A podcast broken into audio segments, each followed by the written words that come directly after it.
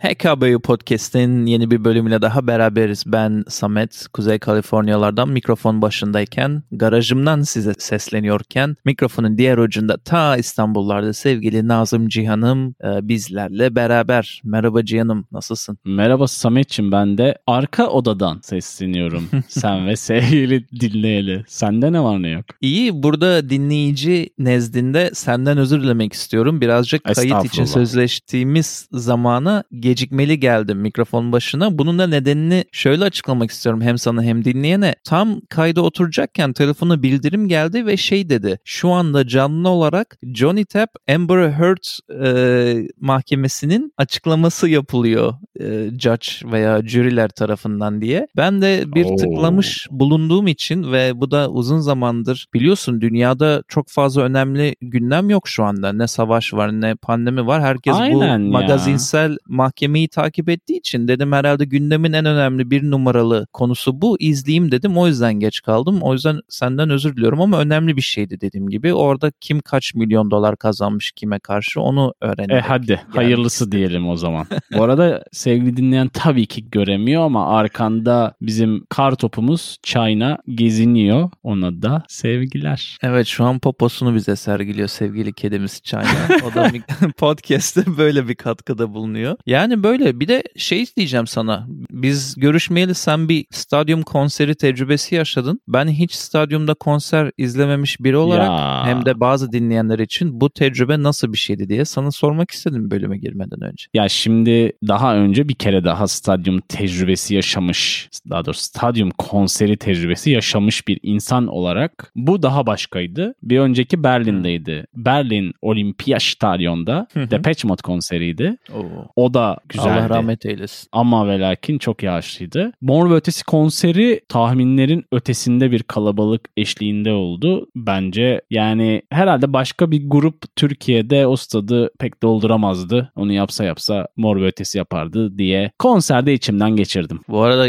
Allah rahmet eylesin dememin sebebi de Depeche Mode'un üyelerinden birini yakın zamanda kaybettiğimiz için bunu araya böyle sıkıştırdım. Sevdiğim gruplardan biridir o da. E, hmm. Valla stadyumda konser olayını ben de tatmak istiyorum. Şeyden biraz kaygılıydım. Hani atmosfer olarak diğer konserler gibi yine bir konser havası veriyor mu? Daha büyük bir alan ya ve açık bir alan. O, o anlamda ya, sordum yani. Festival havası veriyor diyelim. Hani seninle beraber çok festivale gittik biz sevgili dinleyen de geçmiş bölümlerde tadabilir o duyguyu.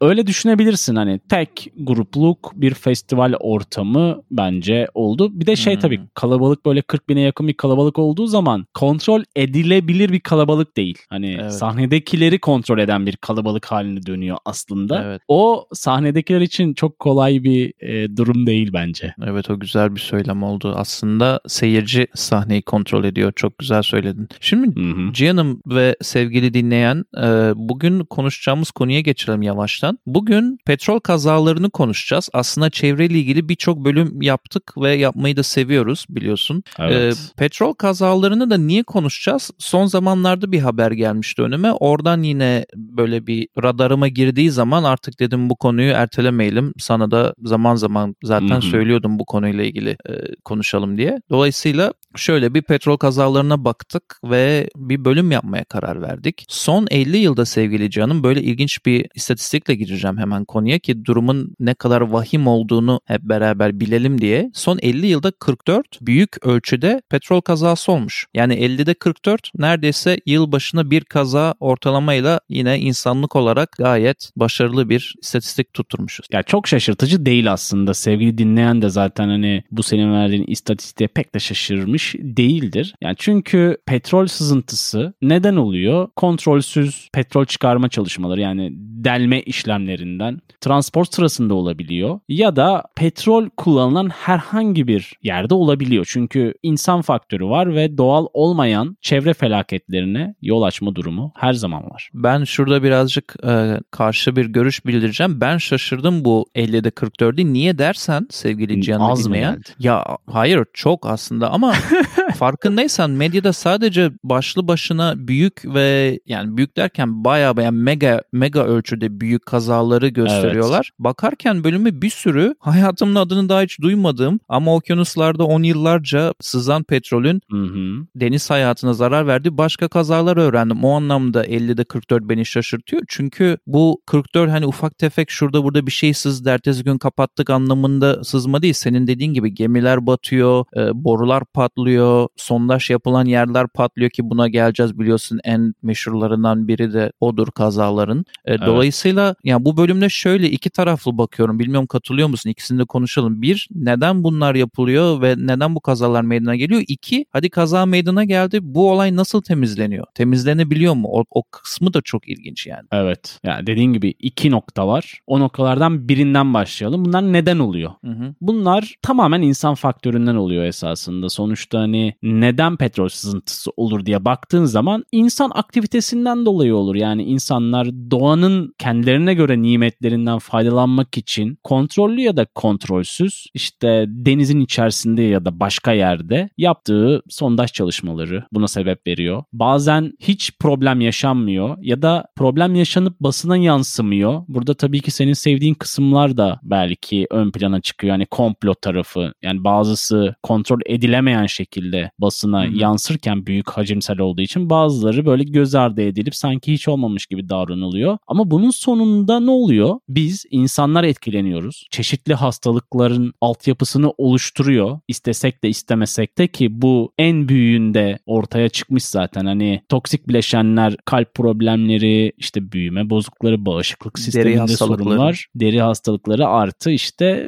ölümler klasik. E bir insan boyutu var tabii ki ama bir de canlıların da etkilenmesi gibi bir durum söz konusu. Çünkü orada bir ekosistem var. Burada en basitinden balıklar var, kaplumbağalar var, ne bileyim kuşlar var. E bunlar direkt etkileniyor aslında. Senden benden önce etkilenmeye başlıyorlar. Onlarla beraber belki de biz daha çok etkileniyoruz. Yani böyle sürekli spoiler veriyor gibiyiz ama hani biraz sonra bahsedeceğimiz dünyanın gelmiş geçmiş en büyük felaketlerinden birinin sonucunda binlerce canlının direkt hani dolaylı yolu hiç şu an konuşmuyoruz sevgili dinleyen. Evet. Direkt etkilenmesi var. Yani bir iki değil binlerce. E, ne olmuş oluyor? Sonrasında on binlerce ve genetik olarak da yüz binlerce bu katlanarak gidiyor. Uzun yıllar. Öyle bir tarafı var. Evet sen o konuya şiddetle girmek istiyorsun. O yüzden seni fazla tutmayıp o büyük patlamaya ve sızıntıya getireceğim konuyu ama getirmeden önce 1989'da Exxon Valdez petrol kazası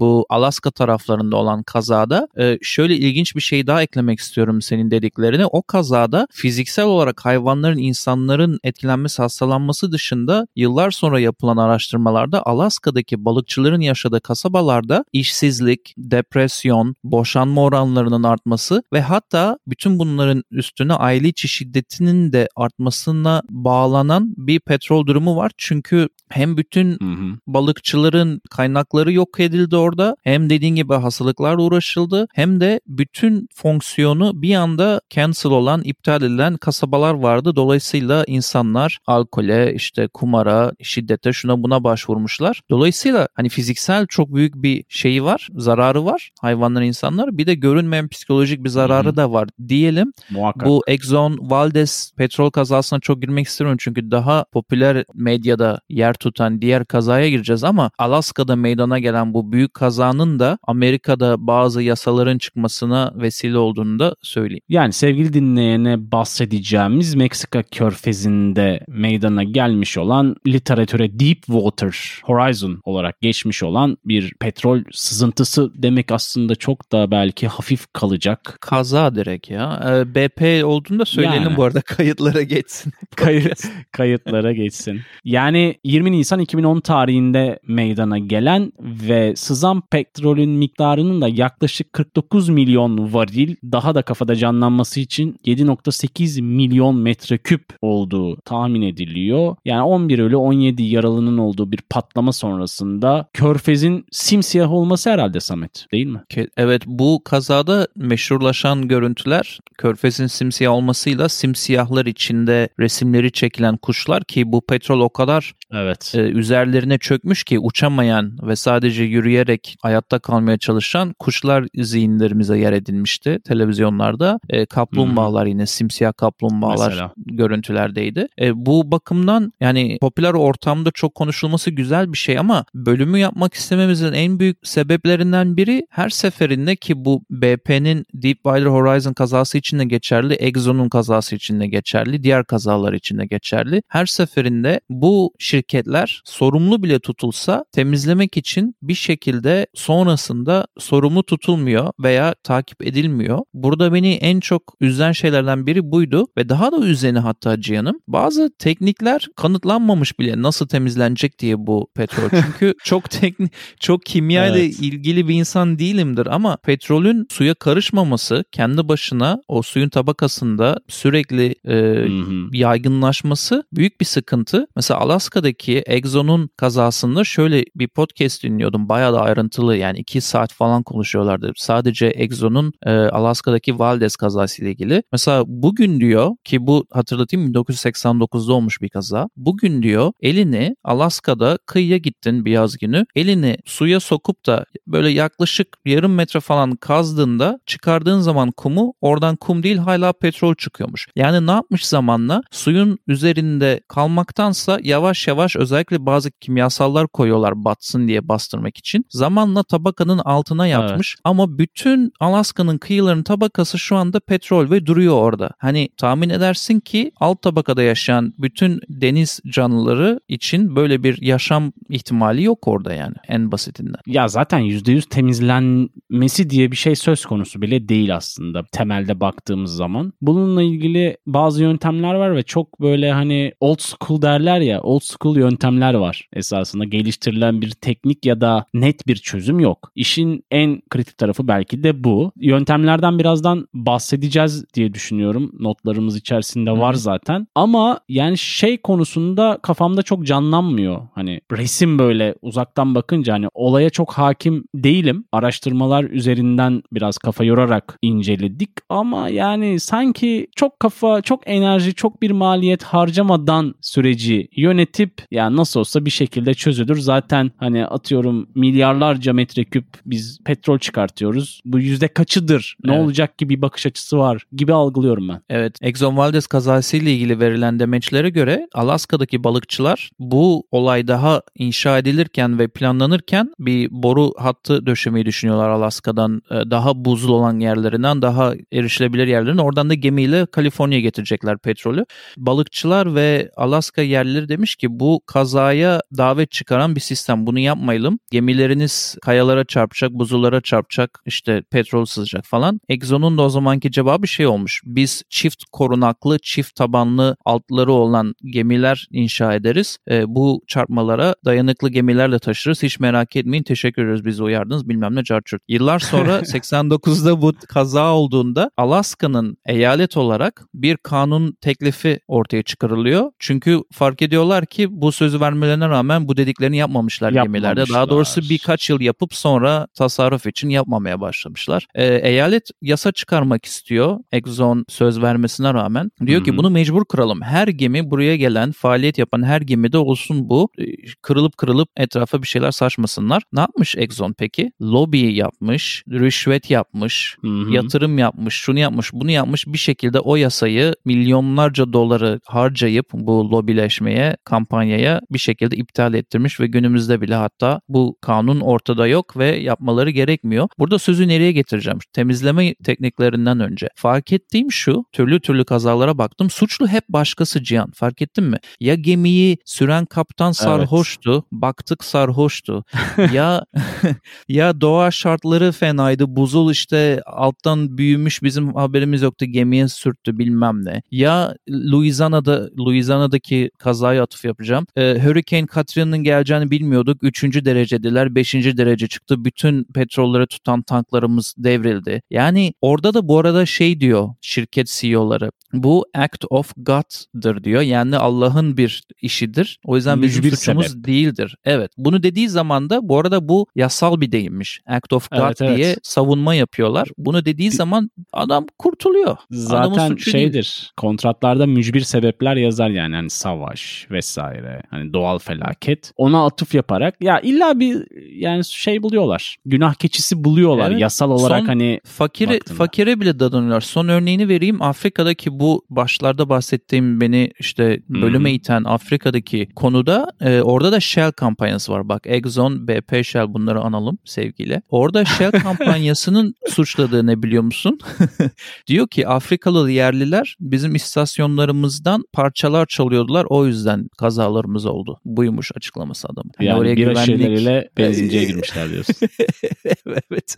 Yani oraya güvenlikti, çitti, bilmem neydi koymamak suç değil ya veya bir ihmalkarlık değil ama oradaki Aha. Afrikalıların bir parça demiri çalması e, orada sıkıntı diye bu kısmı böyle bitireyim içim doluydu. Neden bu insanlar yaptıklarıyla hesap vermiyorlar diye içimi dökmüş oldum hem sana hem dinleyene. Ya aslında sen neden hesap vermediklerini biraz önceki cümlelerinin satır başlarında bize verdin. Harcayacakları milyon milyonlarca doları harcamayıp milyonlarca dolar harcayarak yıllara süre gelen, yıllarca finanse ettikleri bazı lobiler diyelim hadi şey gibi lollipoplar gibi oldu ama onlar sayesinde biraz da özellikle lobicilik faaliyeti, adamcılık biliyorsun gücü olan insanların sevdiği şeyler. Konuyu biraz da şeye getirelim hani ya bir şekilde bok ediyorlar, pisletiyorlar etrafı, doğayı, her şeyi. Nasıl ya temizler? bunun gerçekten evet bunun gerçekten bir temizleme yöntemi var mı? Net. Şimdi baktığımızda petrol sızıntılarının temizlenmesi ve çevrenin bu etkilerden kurtulması aslında zor bir işlem. Yani neden zor? Hani sızıntı oluşturan petrolün tipi burada önemli. İşte nerede olduğu, ne kadar sıcaklıkta bir okyanus ya da denizden bahsettiğimiz ya da kıyıların özellikleri. Yani bir sürü faktör var esasında. Ama alternatif çözümler olarak adlandırabileceğimiz çözümler var. Çünkü bunların bazıları gerçekten saçma sapan. Mesela bence çok mantıklı olmayan petrol dağıtıcı kimyasallar kullanılma önerisi ki bunu denenen bir şey bu sevgili dinleyen. Evet. Ama hani bilim adamlarının bir noktada karşı çıktığı çünkü denizdeki organizmalara, canlılara zarar veren bir şey. Çünkü olmayan bir şeyi o tarafa atmışsın. Daha da olmayan bir şeyle beraber iyice evet. işin içinden çıkılmaz hale Kanser sokuyorsun. olan insanlar da çok vardı bunu denediklerinde, test ettikleri yerlerde. Yani diğer örneğe geçmek gerekirse artık örnek diyorum çünkü bunlar böyle anında çözüm üretilebilecek şeyler olmadığı için. Mesela petrolü yani sızmış olan okyanus ya da denizdeki ya da nehirdeki petrolü başka bir kanala nakletmek için yeni kuyular açmak ve bu kuyularla onu tahliye etmek şeklinde bazı çözüm önerileri var fakat hani çok kısa sürede çözülebilecek olan bir yöntem değil yani hani haftalar alacak işlemler bunlar belki aylar alacak işlemler sevgili Samet.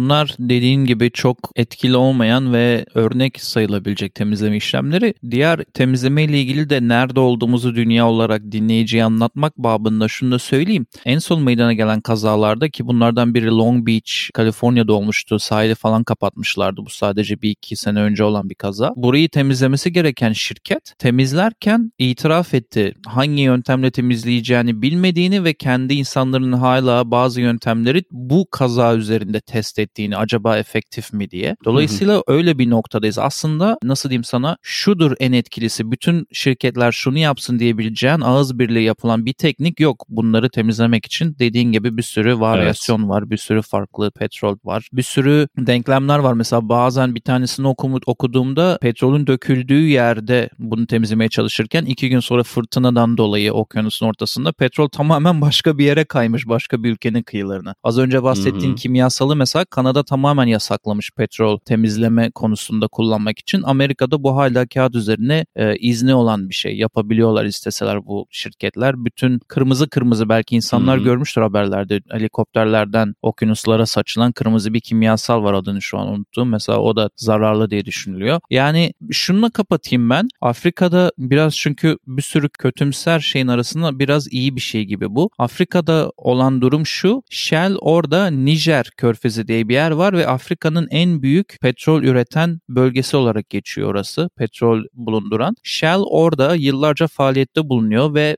2022'de daha henüz yani bu sene taze taze çevre koruma avukatı olan Chima Williams birkaç arkadaşı avukatla beraber koca Shell'e dava açıyorlar. Hatta dava açtıklarında Hollanda ile muhataplar Shell'in bazı headquarter'ları orada diye ve Hollanda diyor ki sen Nijer'deki Afrika dalında yani Afrika birimine ilgili bir şeyler yapıyorsun. Biz buradaki headquarter'ı sorumlu tutamayız. Bu dava yürümez falan filan diyorlar. E, bunlar vazgeçmiyor Cihan'ım. Davayı takip ettiriyorlar. Başka bölgelerde açıyorlar ve en sonunda Shell'in bütün oradaki Nijerya'nın o kısımdaki halkına 111 milyon dolar ödemesi için davayı kazanıyorlar. E, tabii her şey için çok geç. Biraz daha ayrıntılı baktığımda ne kadar e, tarımının, yine denizciliğinin, e, gündelik hayatlarının içine edildiğini maalesef Kesinlikle. izlemiş biri olarak hani bu para kazanıldı ama senin dediğin gibi bu yarayı sarmak devede kulak. Yıllar, yıllar, yıllar, yıllar sürecek. Tabii bu sırada mesela Shell çekilecek mi oradan? Çekilmeyecek tabii ki de. Milyon, milyarlardan bahsediyoruz.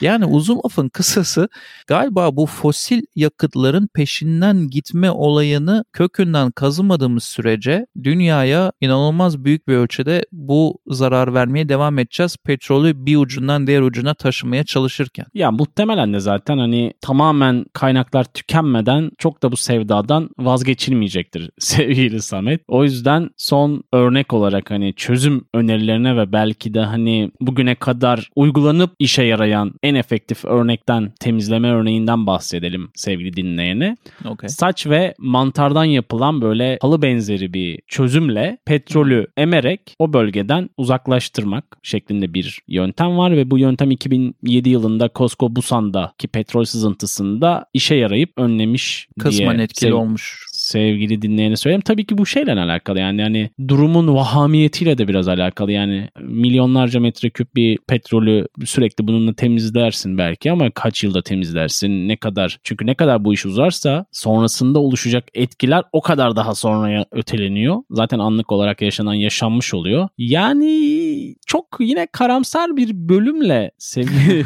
dinleyenin karşısında çırpınıyoruz bir taraftan ya, da. İş çevreye geldiğinde sevgili canım son 20 yıl yılda ihmisar bir konu varsa sen söyle biz onu kaydedelim haftaya. Yani çevre konu çevreye ve dünyaya geldiğinde son 20 yılda tamamen zıt yönde insanlık olarak koştuğumuz için hatta depar attığımız için e, tabii ki de Hı-hı. karamsar olmuş oluyor konu. Yani bilmiyorum senin aklına böyle çat diye olumlu bir şey geliyor mu? Hani benim gelmiyor. Belki bir... solar enerji geliyor o kadar yani olumlu olarak adım Böyle attığımız. senin şu an sorduğun soru ne biliyor musun? Bir şarkı söylesene bize. İstediği bir şarkı dersin ya ve kitledir kalırsın. Onun gibi. Ya kesinlikle son... istek, istek şarkı.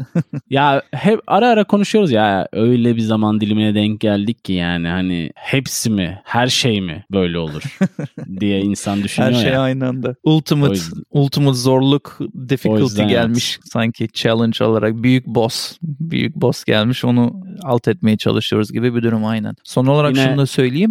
Bu büyük şirketlerde... Ha? Temenniler. Hmm. Son olarak şunu söyleyeyim bu büyük şirketlerde tabii ki de sigorta şirketleri de var. Yani bir şey patladığında sızdığında hemen ertesi gün gidip temizlemiyorlar. Dolayısıyla Amerika'da da Oil Spill Liability Trust Fund diye bir şey kurulmuş. Ee, hemen kaza olur olmaz gidip temizliyor orasını ve bütün paraları Hı-hı. harcıyor temizlemek için. Sonrasında gidip parayı toplamaya çalışıyor bu büyük şirketlerden diye o kısmı da küçük bir not eklemek istedim. The Oil Pollution Act diye bir yasa çıkılmış 1990'da Amerika'da. Bu yasa neredeyse işlevsiz şu anda çünkü bu şirketler istediği gibi fink atıyorlar. E, dolayısıyla dediğin gibi karamsar bir durum benim için e, bu konu. Ama bir konu karamsar bir durumda olduğunda o konudan da konuşmak gerektiğine inanan biriyim. Başka türlü değişim olacağını da düşünmüyorum.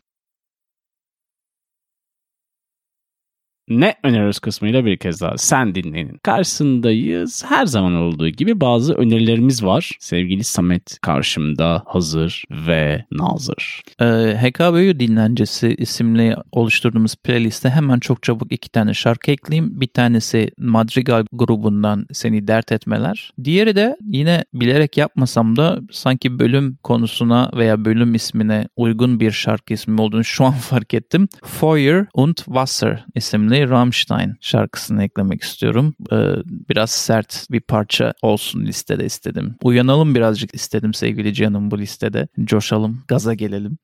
bir de herhalde bir de herhalde söylemezsek bizi dinleyen döver diyerek de Deepwater Horizon isimli gayet popülerleşmiş 2016 yapımı bir Hollywood yapımı var biliyorsun. Onu da Hı-hı. öneri olarak notlarımıza ekleyelim istedim. Ama film istemiyorum ya. Çok o böyle popüler havada geçiyor. Aksiyon filmine dönüşmüş. Daha bana ayrıntılı bu Deepwater Horizon'ın kazasını anlatan bir şey öner diyenler için de YouTube'da Deepwater Horizon in Their Own Words isimli full episode olan National Geographic e, videosunu önermek istedim. Burada ilgi çekici olan şey National Geographic'in o kazada 11 kişinin hayatını kaybetmesine rağmen birçok kişi de hayatta kalmayı başarmıştı. Onlarla direkt röportaj yapıp birinci elden onlarla e, olay hakkında e, bilgi alması. Dolayısıyla önerilerim benim böylelikle son buluyor. Sevgili canım sende ne var bölümle ilgili veya ilgisiz? Samet'ciğim teşekkür ederek. Va bölümle ilgili çok bir şey yok elimde.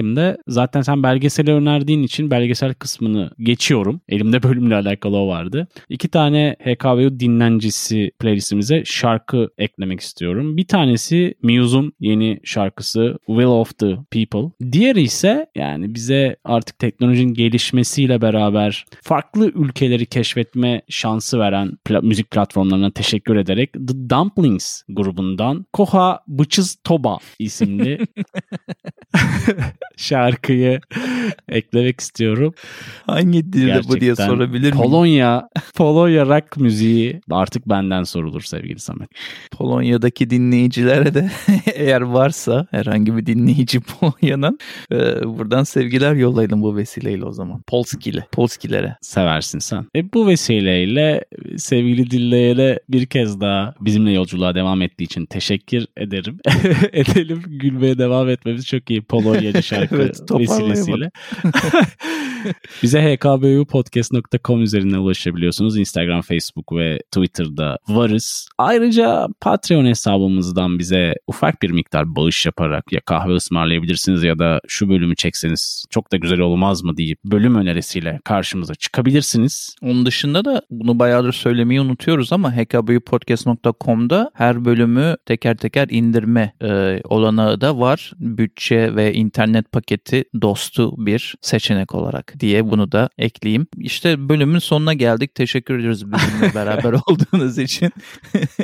İnşallah böyle çaresiz kapatıyorum biraz çünkü yapacak da pek bir şey yokmuş gibi hissediyor insan ama bir ara Greenpeace'e de ucundan girdim bölüme çalışırken belki Greenpeace başlı başına bir bölüm konusu olabilir ileride. Çünkü bir şeyler yapan ama sonra kullanılan gibi bir şeye dönüşen sonra politize ediş saçma sapan bir duruma evrilmiş bir oluşum diye düşünüyorum. Onu ee, şöyle yapabiliriz. E, lafını kesiyorum ama böyle genelleyip biraz hani bu yardım kuruluşlarının aslında hmm. gerçekten yardım mı ediyorsunuz diye böyle evet, sorup evet. yapılabilir. Özellikle o high pitch senin sorduğun yüksek ok- oktavdan gerçekten mi yardım ediyorsun ya? ya hadi kesinlikle. ama lütfen söyle şeklinde ona bir Spo- bakalım bence. Spoiler. evet spoiler vermiş olduk. Tamam o zaman. Ee, önceki Hı-hı. sonraki bölümlerde tekrar buluşmak dileğiyle ve her zamanki gibi bizi dinlediğiniz için çok çok teşekkürler. Hoşçakalın. Hoşçakalın.